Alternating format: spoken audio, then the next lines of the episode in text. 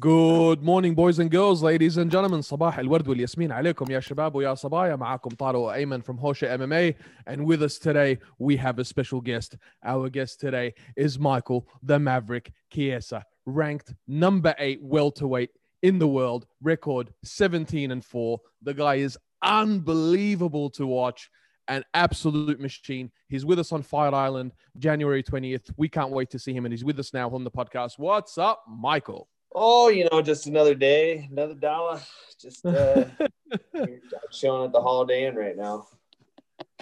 Are you still are you still in the states at the moment? Yep, I am. Uh, I'm in Las Vegas. We fly out in about uh, fly out in like eight hours. So I'm kind of gearing up for that. But you know, I don't think it'll be that bad. I've made that flight over to to uh, Abu Dhabi. Uh, this will be my third time in a year, so I'm excited to go back. So, so have you been to the UAE before? Just out of curiosity. Yeah, I went there um, in January for a UAE Warriors event, and then which is a great show, by the way. They do an awesome job. Fouad Darwish is is an amazing man. Um, Rio Altaie, awesome guy as well. Love all the guys over there at UAE Warriors. Um, but then I went back for, and then I went to Dubai, proposed to my then girlfriend in Dubai, got engaged in Dubai. No. Yeah. So, so you know, the, uh, it's the UAE's become special to me. You know what I mean? And then I went back and uh, I did Fight Island for three weeks um, towards the end of last year. That last stint they did. Now I'm coming back to compete. So uh, it's a place that's really grown on me, especially with the more time I spend around the people and in the culture. And um, it's just a place that I, I, see myself going back as time goes on, even when the world gets back to normal. And, uh, you know, we don't have to do Fight Island all the time. I still see myself coming back a lot. And uh, I enjoy And a lot just- over there. Just out of curiosity, prior to coming to the UAE, did you have any stereotypes about the place? You know how No. we all develop. No, you know, I, I I I had an idea of what Dubai was like, um, and you know, paying attention to the UFC events, I know that like when they did uh, Khabib versus Poirier, you know, all the embedded videos were so great, and getting to see like the hotels and the, and the people and stuff. And even before that, when they did the Frankie Edgar BJ Penn fight, um, the Anderson Silva fight, um, you know, I had an idea that Abu Dhabi and the UAE is a very special place but it's a lot different when you get there, man. It's so great. Like I love how like I feel like Abu Dhabi is just so peaceful and it's very simple, and uh, it- it's everybody there is just kind of like stays in their own lane, and then you go to Dubai and it's a little more loud and a little more, a little more adventurous. But both of them were are beautiful nonetheless. I mean, the, the architecture there is amazing. It's clean. It's great. Um, I love the UAE, man. It's growing on me a lot. It, I've spent after I do this, well, I'll be there for eight days this time.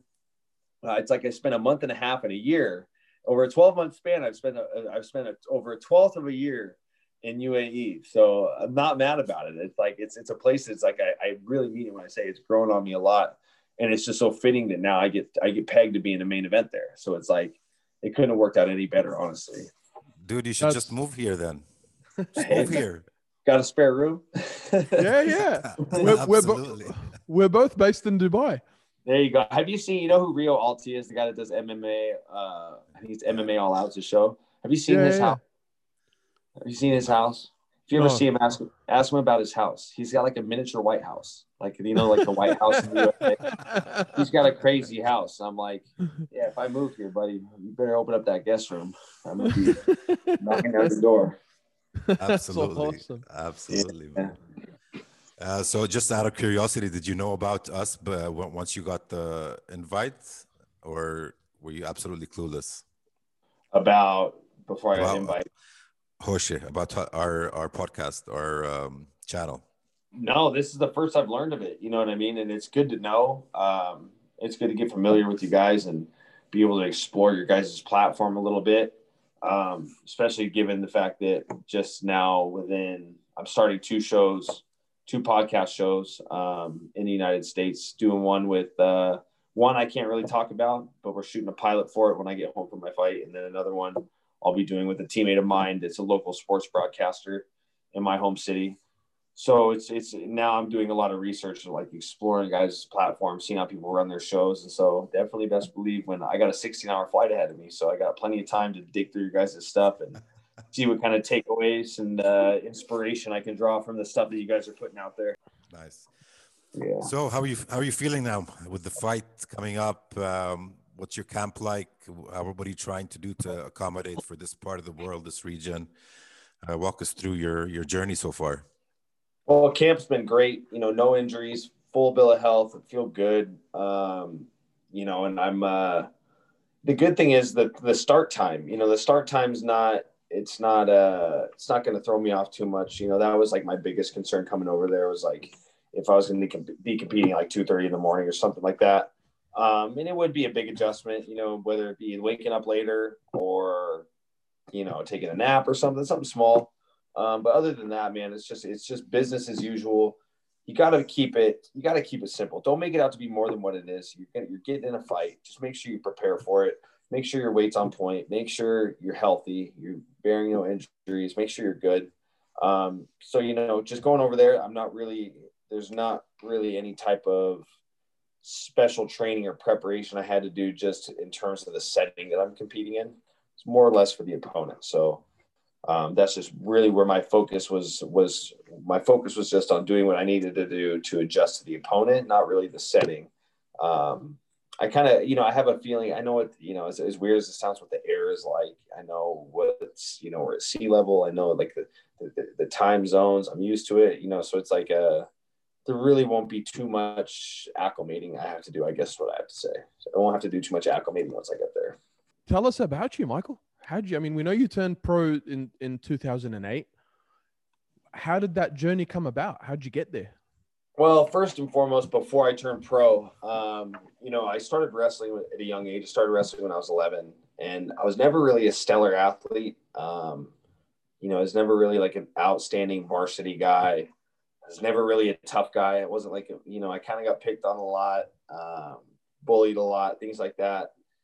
I was always infatuated with the Rocky movies and got into wrestling. And I remember I was at a friend's house and his dad was watching uh, one of the UFC tapes, and it was one of the tapes where Royce was fighting in, the in the UFC tournament. And his dad was letting, letting us watch these fights, and I'm seeing this really scrawny dude in a karate outfit, and he's beating all these really big guys. And it just kind of like I drew some inspiration from him, and maybe that's because I was a small kid and is just seeing a smaller guy beat up a bigger guy. Something about that's appealing to somebody that's smaller, lesser of an athlete, kind of getting picked on, whatever. And uh, so as time goes on, the UFC starts to take off, and and uh, I just was so so gravitated towards the sport. And so once I graduated high school, I kind of had it made up in my mind, like I wanted to train mixed martial arts and maybe that was because I wanted to challenge myself and be I wanted to be the furthest thing from myself that I was like I being somebody that I guess you could say was weak, bullied, didn't have a lot of self-esteem.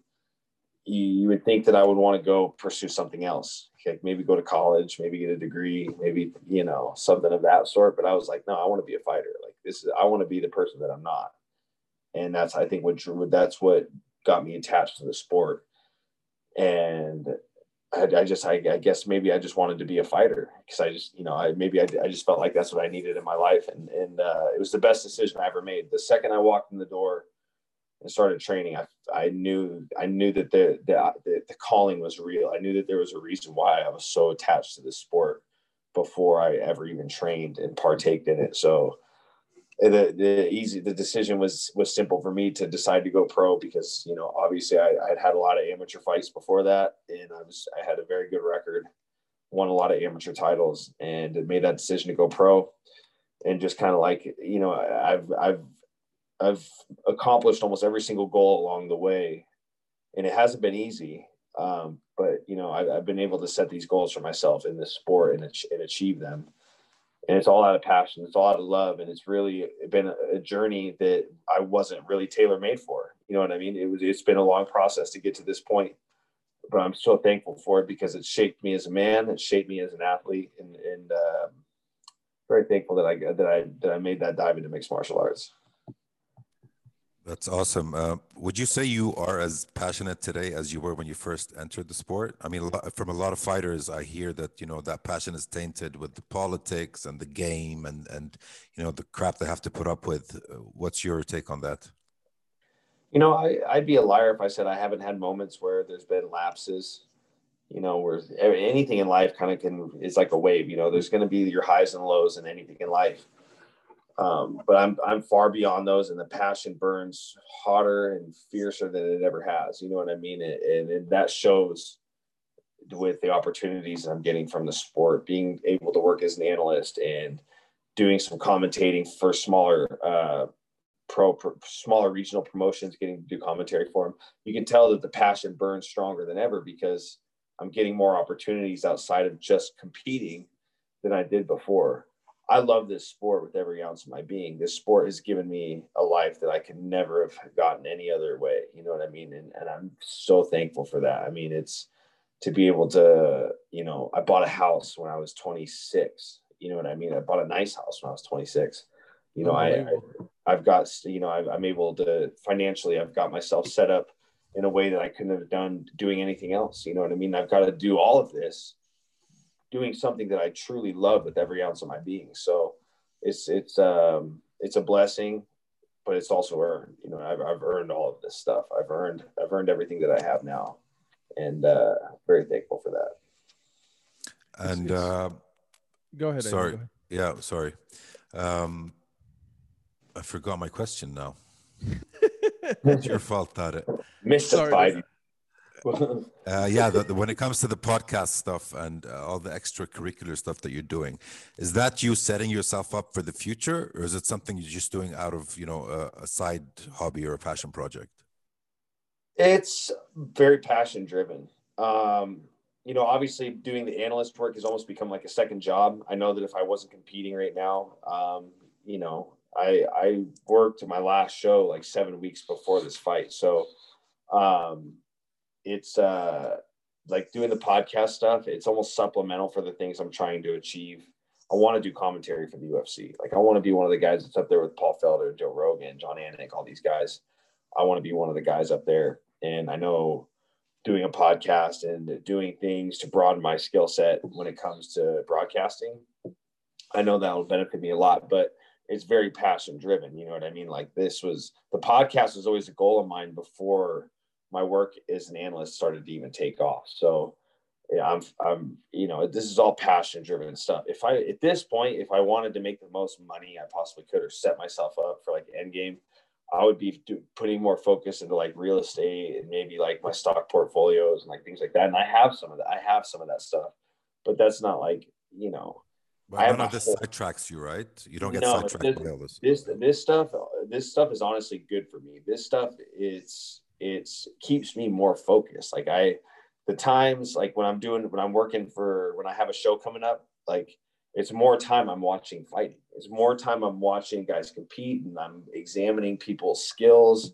and analyzing them and breaking them down. And I've even had to do this for my opponent. I had to I had to work the show for his last fight when he fought Robbie Lawler. I had to sit and watch his fights, knowing that potentially I could be fighting one of these guys.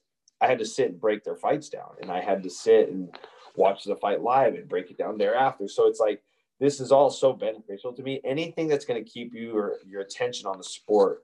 And it doesn't always have to be about you. Just like the more you're watching fight live, the more you're watching old fights, the more you're studying film, the more you're just doing any of that stuff, it's going to benefit you in the long game. So I'm just fortunate that I'm getting paid for it now. So like, you know, you're living the sort you're living the sort of full immersion experience, right? You're fully immersed be it training or analyzing or fighting, you you're in that world, right? It's, oh, it's oh, yeah. you, are never it's out one, of it.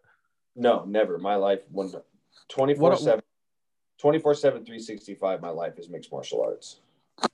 What I find interesting is is when you were talking about how it is that you got into the sport and what motivated you to to to to, to gravitate towards it.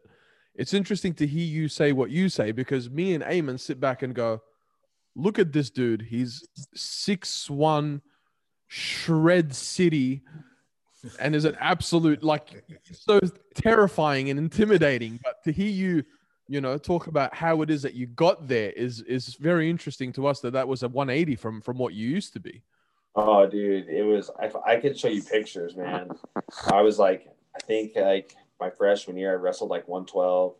I was really small. I was wow. really skinny yeah, yeah, you know, so I like and I feel like that that's kind of like a theme for a lot of these guys. I mean, you talk to a guy like George St. Pierre, and he's a guy that talks about his childhood and how it was rough and how he got picked on a lot, and that's kind of what made him want to embark on like the martial arts journey. You know what I mean? So, uh, you, you know, it's it is definitely a 180 from from where I came from. You know, and a lot of people that I grew up with say that they're like, we never would have guessed that this is what you'd be doing today, and I'm like, oh. Sometimes, sometimes the person, sometimes people become what you least expect them to. You know what I mean? It's like a, it's not it's not an uncommonly occurring thing. I feel like it happens more often than we realize. So you go back to your high school reunion, and everyone's like, "Hey, Michael, are you now like an IT analyst?" And no, no, I, I fight in the UFC. Pretty much, yeah. That's kind of how it is.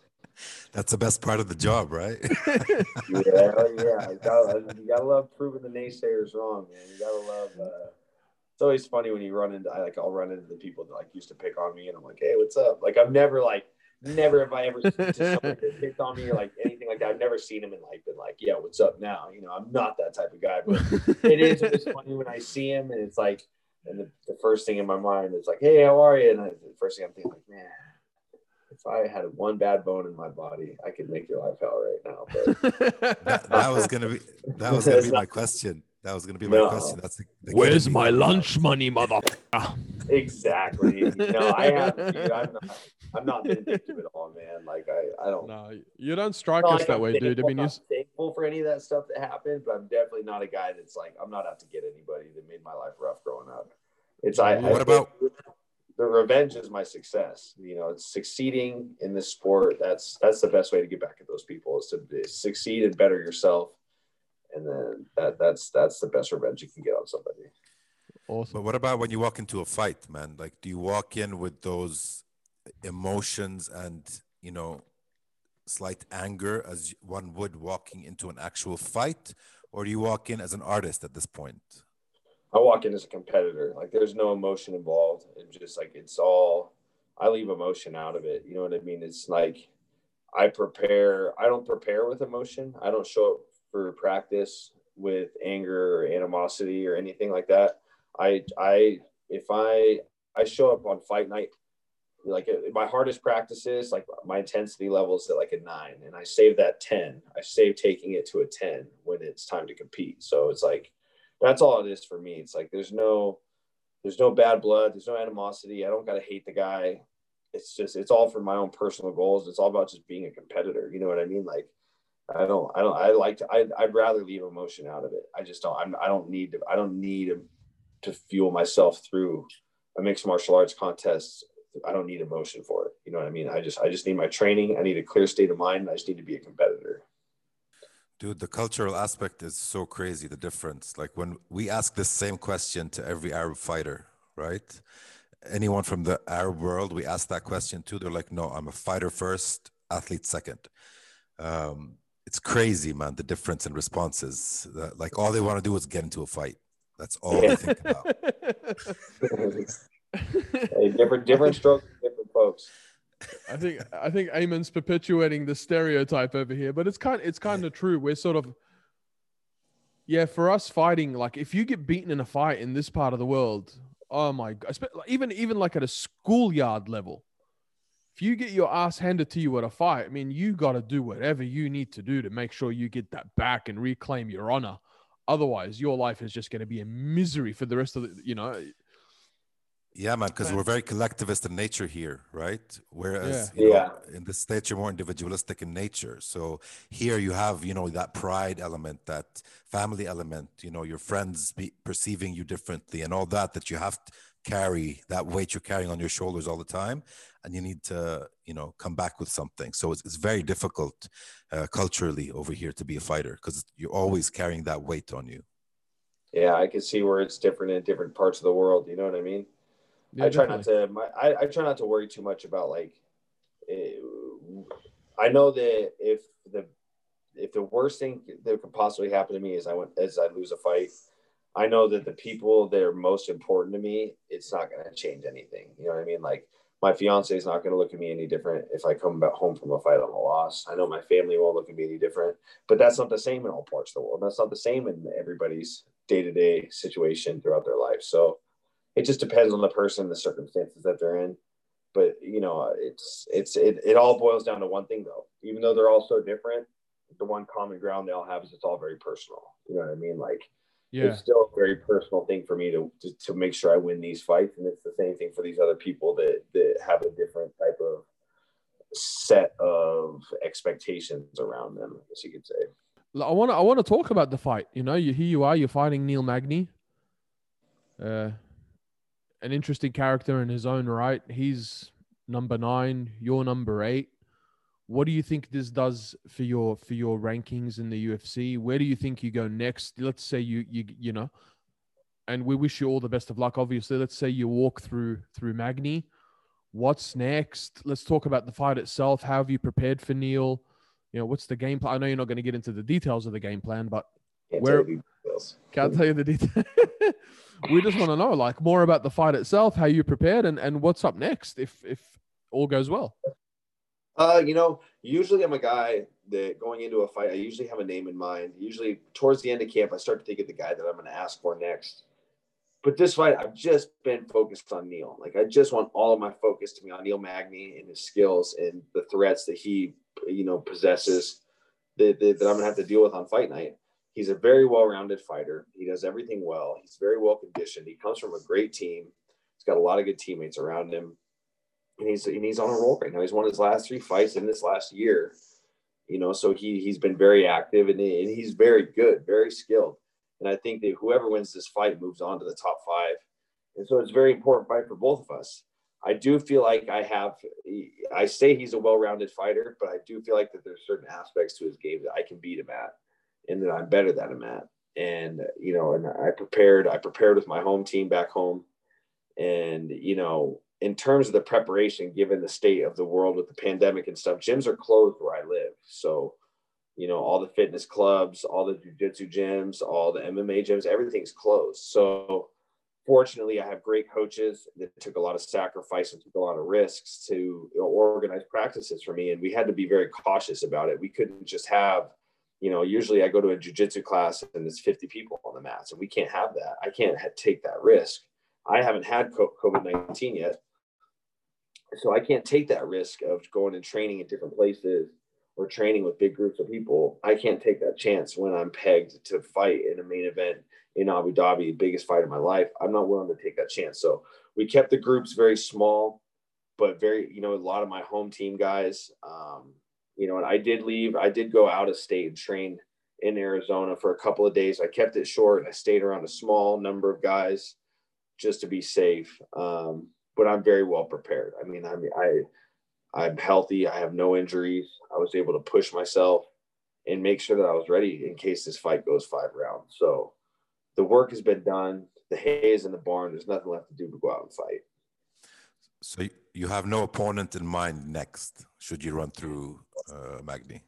No, and they, you know, and I usually like to have a guy in mind because sometimes it's I, I sometimes it's good to just kind of like have a plan. You know, I know I know who's ranked ahead of me. I know who's got fights. I know who doesn't. Um, but I just I'm just not focused on that right now, man. I just want to focus on this guy. I know that I know, especially when they called me on short notice to make this the main event. I knew it's the small things, the very small details are what are going to accumulate and pay dividends if this fight goes into the late rounds. And I feel like focus is a big part of that. I feel like my focus needs to be on just him and not being ready for that post fight speech or any of that stuff. I just need to be ready on the fight. I need to be ready on what I got to do. I need to be ready to do what I got to do if this fight takes place over the course of five rounds. So, um, no, no other name in mind except Neil Magny at this point.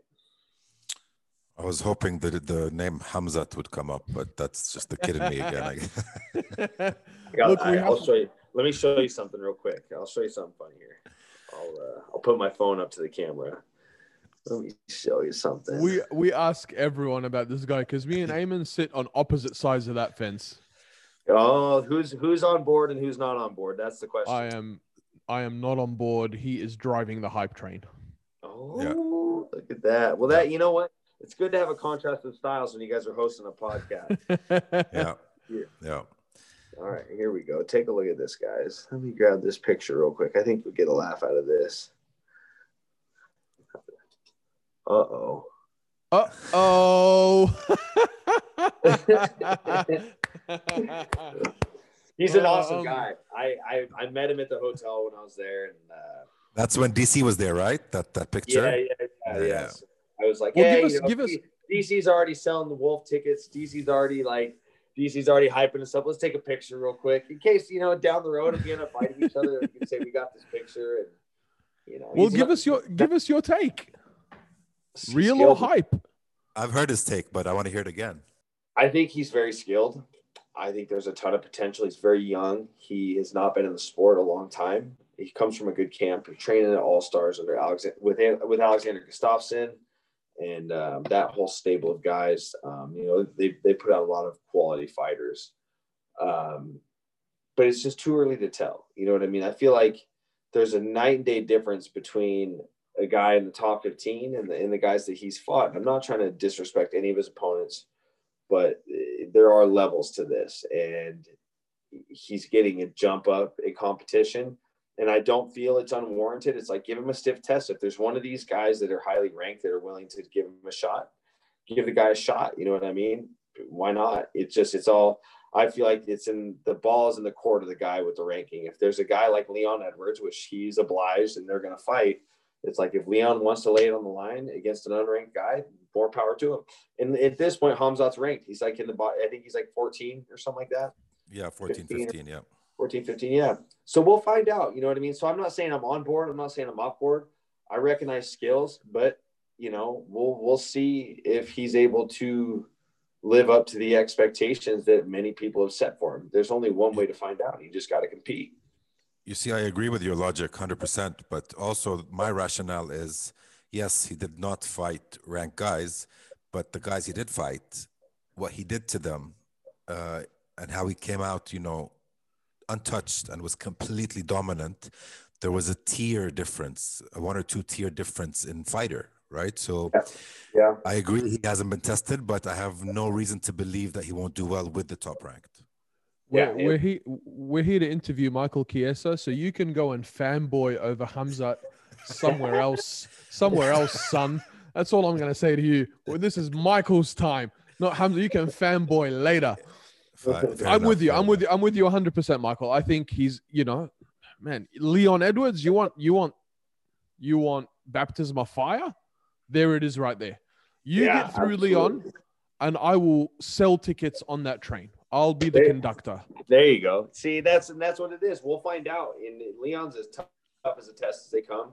We'll see how he handles that. You know what I mean? And I don't think that I don't think on the last note, speaking on Hamza, I don't think that whether he's hype or not is it hinges on whether he wins or loses. It's just all about how he performs. If he still, if he, let's say he fights a spirited performance and still loses to Leon, that doesn't mean he's all hype. It's like, oh shit, this guy's good.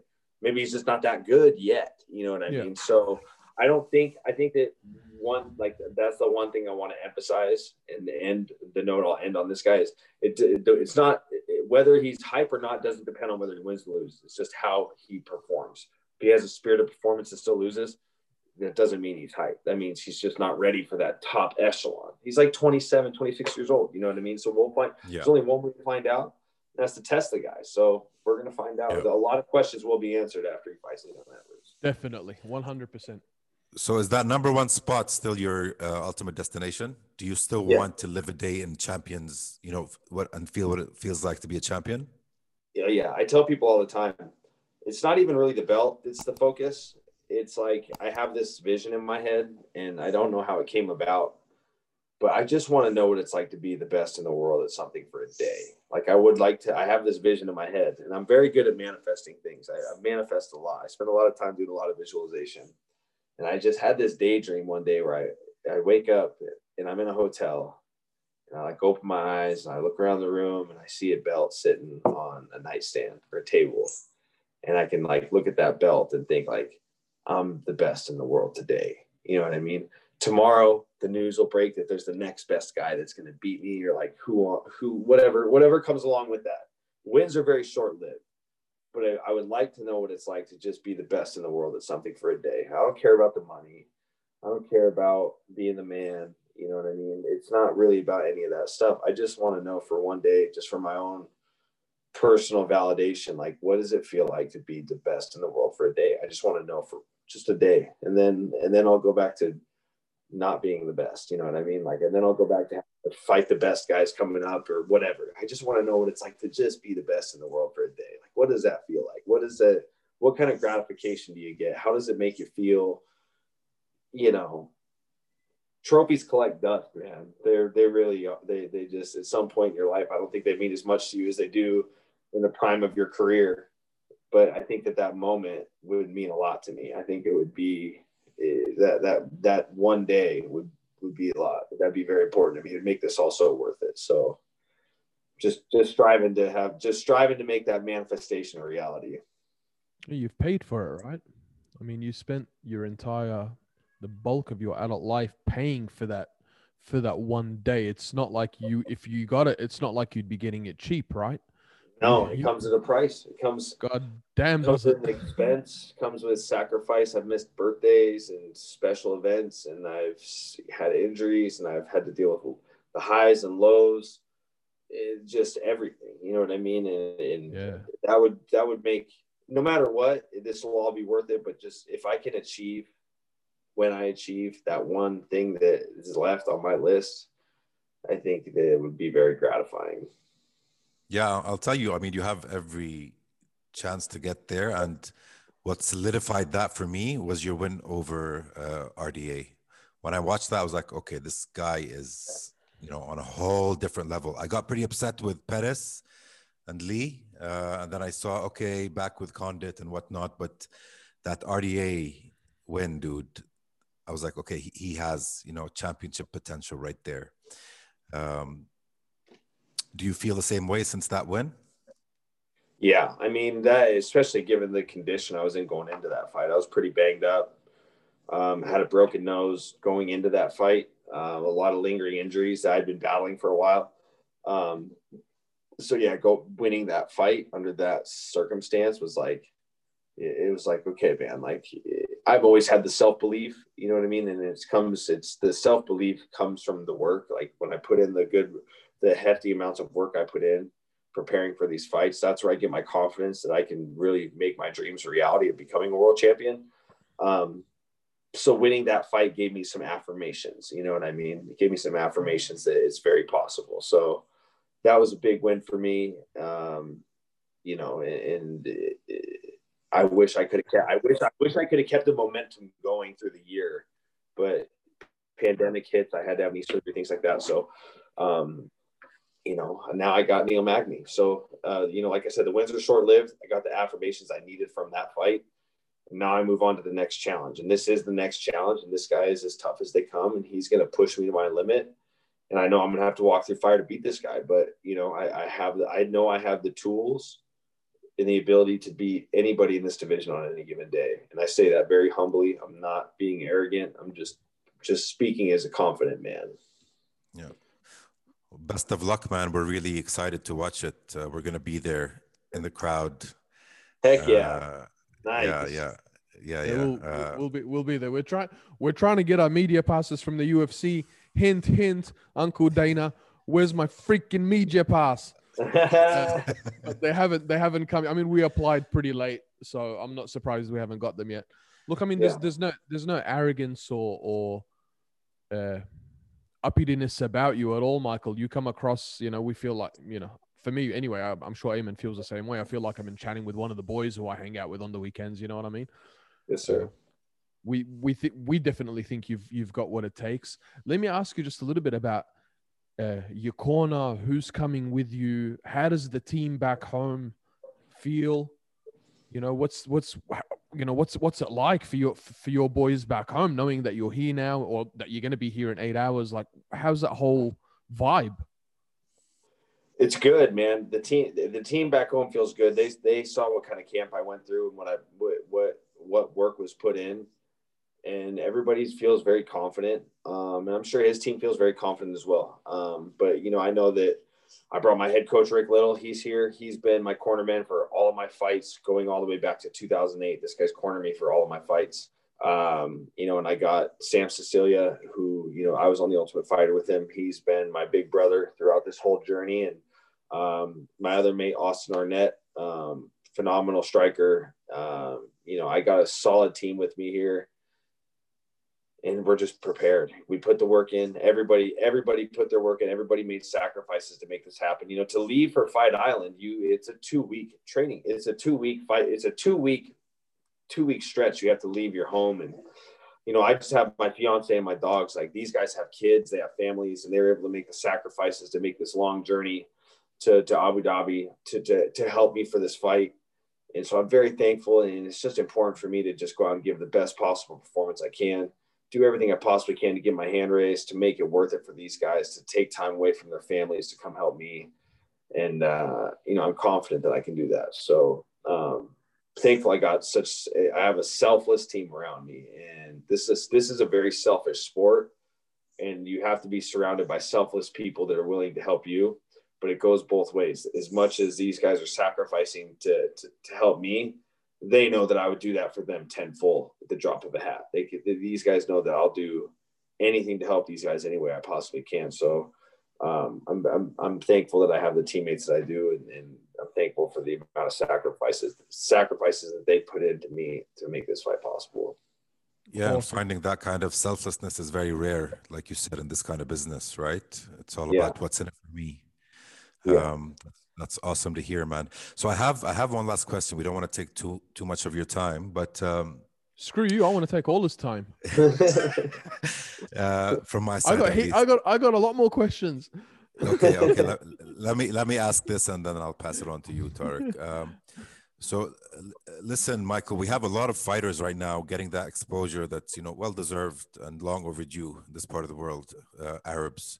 Uh, there's a lot of good fighters here, good talent, uh, some raw talent as well, and and they're being exposed now to the UFC. Um, some of them have signed on already with contracts. One of them is going to be a co-main event, uh, Mounir Lazzez, if you've uh, if you know who that is. Um, but the thing is, well, he's the, co- he's the he's the co-main on his on his card. Yeah, yeah, uh, the co-main yeah. Munir. Uh, he's based out of Dubai. But the main thing, these guys don't have that kind of experience. They don't know what to do. They don't know what real, you know, management means. What advice do you have to them? If you could reflect on your experience when you entered the UFC and you could advise the young Michael to do something better or do something differently, what would that be? Well, first and foremost, always just stay humble. Don't straight, you know, if if it ain't broke, don't fix it. I think a lot of guys, um, if you if you if you get to the UFC with the team that you're with, stick with that team. You know, I think a problem a lot of guys have is they get to the UFC with the team that, that groomed them and brought them up.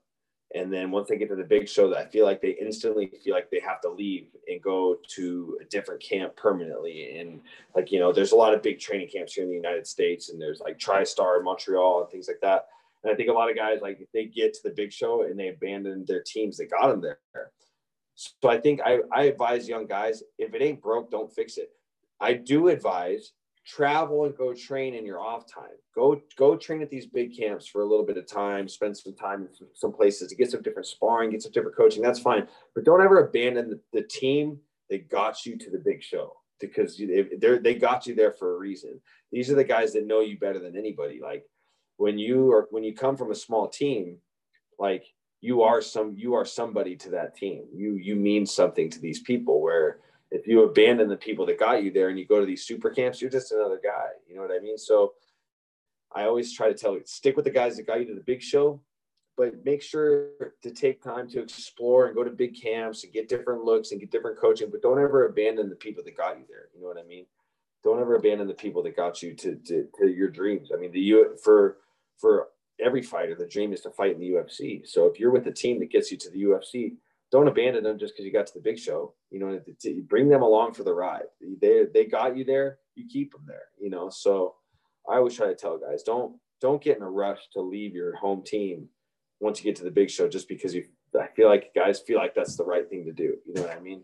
Mix up your training, find new people to train with, find new partners, get some new coaching, get some new looks, but don't ever abandon the team that got you there.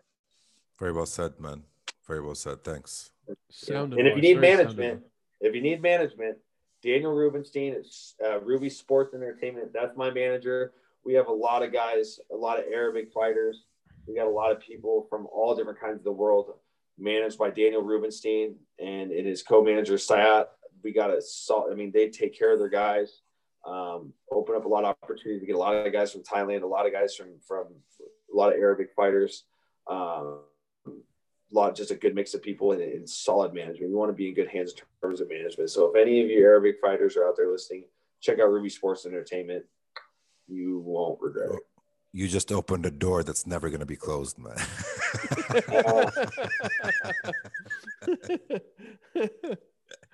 well, and you know, and we have like it's like my manager. He has good. He has good a good relationship with with everybody, like UAE Warriors and stuff. Like we we we're in good relations. I shouldn't say we because I'm not a manager, but like my my my management team's in good relations with all different promotions all across the world. Um, you know, so they know how to take care of their fighters and to get to a lot of different demographic, approach a lot of different demographics and get people fights, get people where they need to be, and, and really ultimately groom them for getting in the UFC. So it's a good team. Yeah, it's good you say we. I like that, man. I like that. We go for it. Go for it, thought it. Yeah, well, you know, we've been approached by quite quite a few people to manage us, but we're weighing up our options. My ass. All right. so this is this triple header weekend, or not really a weekend because it starts on midday or yeah. midweek. Sorry. This is massive for us here in, in, in the UAE, specifically and more generally in the Middle East. The the first fight on the 16th, and I'm going to put you on the spot here, Michael, a little bit. Yeah. Uh, Calvin Kattar and Max, the Blessed Express Holloway. Shout out, Max. How does it go? Striking extravaganza. I mean, both guys have very good boxing. Um, it's going to be a striker's delight. I don't really see guy any either of these guys pursuing a takedown, and that always makes for really exciting fights. Um, you know, Kattar's been rolling, man. He looked good in that fight against Dan Ige. They went all five yeah. rounds. You know, he put a pretty good beating on him. And Dan's super tough, and you know, you Max is coming off two losses to Volkanovski, but I mean, Volkanovski's as tough as they come. There's really not a lot of bad takeaways from that. Um, it's going to be a very equal match. It's a very hard fight for me to pick. I could really see it going both ways. I think the safest prediction that I could give is I think this fight goes five rounds. Yeah, I agree. Yeah. So we t- which we touched on this earlier. The your your co-main card. Do you know the guys? Mounir Lazzez and obviously Warlley Alves. I've seen the first guy. I've seen both guys compete before. I've seen them both yeah. fight. Um, yeah, both both very tough. Yeah, that's gonna be. That's. I mean that that I, I know that. F- it's funny how because obviously this is UFC and you know we, we cater quite largely to well the UFC is is is mainly American markets branching out throughout the world, but your co-main card has got so much focus on it from the Arab world and specifically North Africa. Oh wow. Yeah, because Munir, Munir he's Moroccan. Is he Moroccan? He's he's Tunisian, close Tunisian. to Morocco.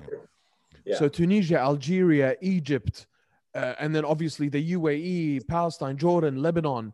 The, the, Arab world is so tuned in to that to to that fight because you know we've we've finally got someone who well this is his second fight, but you know this is real big stage. Warlley Alves is no joke. So there's going to be so many more eyes on you as a result of that, as opposed to just the American Perfect. market, because because the Middle East the Middle East is tuned in, and now with us doing this interview, hopefully we just, you know, we uh, we accelerate that. Yeah, keep the ball rolling. So then I'm going to move to the next one, the 24th yeah. cards. Yep. Tell me about Pori, because me and him, me and this guy, this this dude over here in the beanie, we yeah. sit on the opposite. We sit on opposite sides of this fence as well. Yeah. Poirier Conor two. Repeat of Conor Poirier one or something different? In terms of this fight, both guys are totally different fighters from the first meeting. Um, has grown tremendously, particularly with his boxing.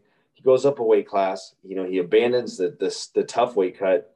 He he looks phenomenal at 155 pounds. He's been the more active fighter. This is only Conor's third fight at 155 but weight management's not an issue. I mean, this is a guy that won the title at 145 pounds. He's won fights at 170. 155, I feel like, is the best weight class for Conor. And he's just looks different every time he steps out there. I mean, Conor McGregor, every time, I mean, he has a long, not as active as Poirier, but definitely there is innovation going on behind the scenes when he is not when he's not preparing for a fight. I mean, he he broadens he's his his his tools his tool says constantly getting tools added to it. I mean, he's constantly evolving. So I think if there's a finish, it's Conor. If Conor, if, if this fight gets finished, it's going to be Conor. I think if, if there's a finish, it's going to be Conor for sure. Uh, but if this fight goes, the, the longer this fight goes, the more it's going to benefit Dustin Poirier. And if it goes, if it goes the distance, I, I, I believe, I believe Dustin wins. So I'm, I'm a little on the fence with this fight. It's a tough fight to pick, um, yeah. but nonetheless, this is going to be the perfect way to cap off a third stint on Fight Island. I mean, the UFC does a great job of every time they have these these long stretches on Fight Island, whether it's five weeks, three weeks, one week.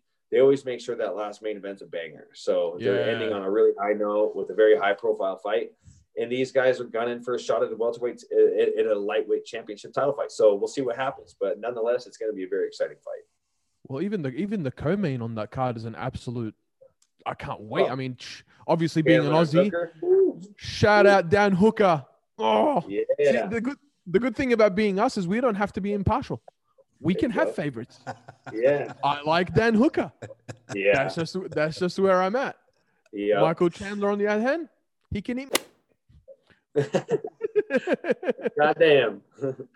I think Chandler, that's going to be a fun fight. I think that uh, Chandler's skill wise, he's fought, he's fought UFC level competition. He's fought tough guys in Bellator, had some great fights with Eddie Alvarez, beat him twice. He's had some good fights. Guy's super tough, ultra athletic, very strong, division one, uh, division one All American wrestler. But I just don't think that he he hasn't fought a guy like Dan Hooker that's the, the body type, the skills. The, when I think of this fight, and I, the, the the the the weapon of choice between both guys that stands out to me is Dan Hooker's knees match up very good against a guy with Chandler's build and style. Chandler's he's short and he's got a low stance, and I mean you it doesn't take Hooker much effort at all to get those knees up there and get them in the party. So I think that that's that's kind of what I have what, what I envision in that fight is I, I just feel like Mike Chandler runs into a knee and and, and maybe not get knocked out, but I feel like the, the knees are going to be a big threat for Mike Chandler in this fight. Could Chandler win? Oh yeah, guy's got crazy power, but I think there's a good chance Dan Hooker wins this fight. There's been an evolution of fighters, uh, uh, and Dan Hooker is one of those guys who brings in so much IQ, so much innovation, and I think uh, Chandler's not ready for that. Plus, no, he's got high fight IQ. It, eh, look, we'll find out. Questions will be answered on the 23rd, and I think that that's where most of my questions around that event they all surround Michael Chandler. Like, I'm not really, I don't have a ton of questions. I'm not.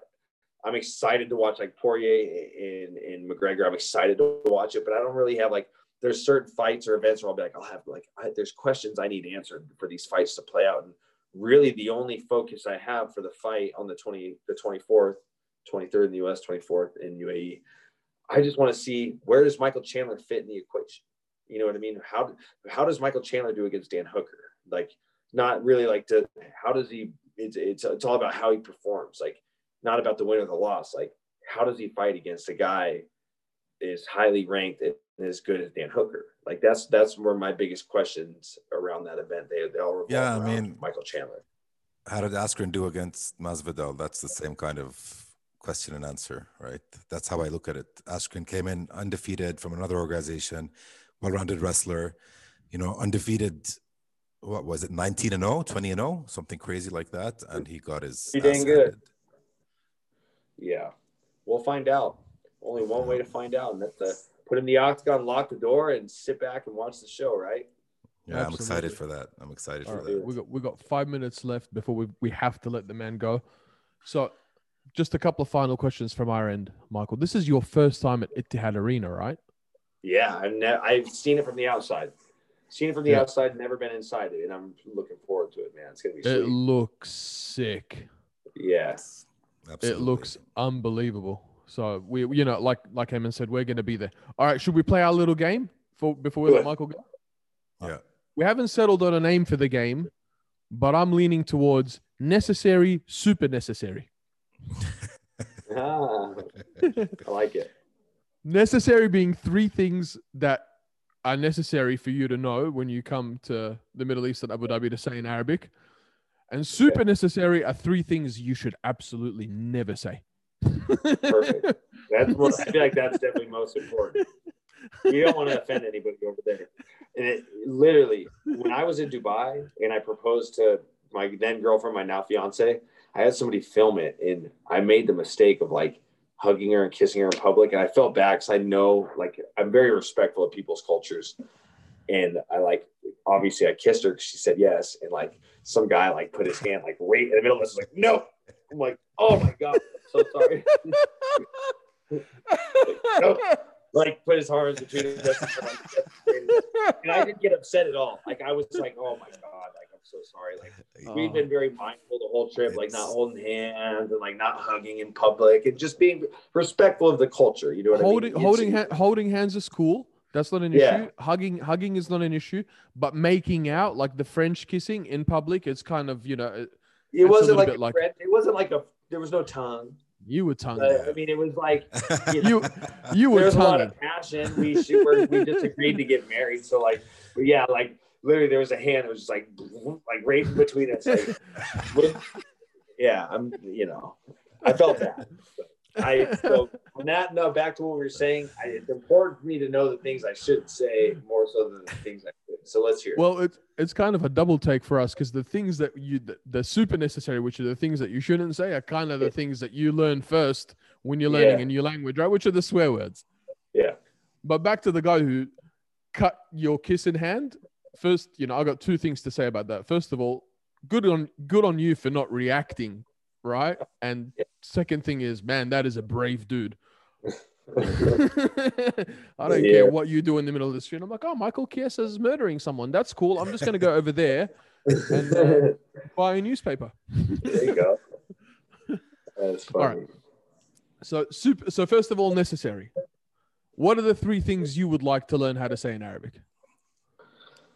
Um, probably thank you. Um, right. I just like the simple stuff. Like, All right. would I So let's let's let's go let's like- go let, let's go with thank you first. Okay, thank you. Shukran. Ooh, let's say again. So try this. I'll I'll break it down for you. So you've got the English Arabic phonetics. Shook, like I'm shook, Shook. and then run, like I'm going for a run. Shukran. Shukran. Shukran. Shukran. There you go. There it is. Shukran. Shukran. Yeah, there we Huh? go. I nailed it. Okay. Uh, now let's go with hello. Ayman, do you have one? Yeah, I have the last one. You go with hello. I'll have the last. All right, we'll go with hello. Yeah. So there is about sixty thousand ways to say hello in Arabic. Oh, good. at least. but I'm going to take you with probably the most universal, most universally understood because when you're in the Middle East, different regions speak different dialects. Okay. So I'm going to take you with the most universal one. Okay. I'm going to make it hard. Okay. Oh shit. Marhaba. Marhaba. My mom Hey. says that. My mom, my mom's Lebanese. My my mom's Lebanese. So Yeah. marhaba. Your mom's Lebanese. Yeah, yeah, marhaba. Yeah, I know that. Marhaba. Marhaba. Okay. Son, Yeah. See. wait a minute. Wait a minute. Dude, I did not know this. Marhaba and shukran. Hey, look at that. Learning. I'm the, So the last one is the most important one you would ever need in this part of the world, right? Okay. So if someone asks you to do something where you have to commit, but you don't want to commit, or you're not sure, or you want to say no, you want to say yes, and you just want to leave him Yeah. unspoken, but with good intentions from your side, Yeah. it's inshallah. Inshallah. Inshallah means in God's will. Inshallah. Inshallah. Inshallah. Good. So so it could mean yes, it could be no, but nobody could hold you against it because that's God's will. Perfect. hey, and these are things I'll remember. I already knew the second one. I can remember shukran and then inshallah. Inshallah. Good. Inshallah. Inshallah. inshallah is, is So they're it's like- not Are you gonna be in time? Are you gonna be on time for weigh-ins? I'm like, inshallah. Yeah. That's the perfect application. That is the perfect application for it. You nailed it. Are you are you coming when you tomorrow when you've got a mother-in-law? Are we Yeah. going to my mum's house for dinner? Inshallah. Inshallah. I Inshallah. mean, There you go. maybe, maybe not. If I can, you know, if I'm playing Maybe, Xbox. maybe a not. God's will. It's God's will. Yeah, Perfect. that was perfect. All right. Now, we're gonna have to beep the beep this out entirely. Yeah. Yeah, I don't want to piss you off. I already, I already did enough damage in Dubai kissing my fiance. So, do- are you are you not gonna, make you anybody gonna- mad. Let's not make anybody mad here. Okay. Tara, let's Everybody leave the let's leave let's This is a give me a pass on in, anything I'm about to say. Right. now. Not All right, hold we- it against me. we won't do, we won't do it. What we're gonna do is, are you gonna come from Abu Dhabi to Dubai after your fight? We'll find out. Maybe I'm not sure. I'd like to. That'd be great. All right. so I'm gonna drop. I'm gonna drop you our number. If you come to Dubai, we'll catch up. We'll go and party, and I'll teach the three things that you shouldn't say to you face to face, so that it's not recorded on tape anyway. Chiesa, what do you say to that? Quickly, quickly, quickly. What do you say to that? Beautiful. I No, like no, no. it. What do you say to that? Inshallah. Yes. Inshallah. Inshallah. Inshallah. Unbelievable. Uh, All right. Dubai after the fight, maybe, maybe not. Inshallah. Inshallah. Inshallah. Inshallah. There you go. All right, dude. I think I think you know we'll wind it up, man. This was absolutely amazing. You are so easy to talk to. You're such a chilled out, cool dude. We want to thank you from the bottom of our hearts for giving us this shot. Honestly, you know, you, you didn't have to go out of your way to give two two new up and comers uh, a shot at it, but we we absolutely loved it, man. Thank you. Thank you so much. Yeah, man. thank you. Thanks, you guys. Thanks for extending the offer to help me with my podcast and, and, and the trials and Oh, tribulations you guys had to go through to get to to get going. And thank you for extending the invitation to come to Dubai after the fight. First things Absolutely. first things first. I got to I got to go out there and I got to compete and see what happens. Then we'll go from there. Inshallah. Inshallah. Thank Train you so hard. much, man. Eat healthy, guys. have Thank a you. safe flight, enjoy that first class Etihad treatment. Yes, sir. What's up, Etihad? If you want to throw something my way, Peace out, guys. take care, brother. See ya.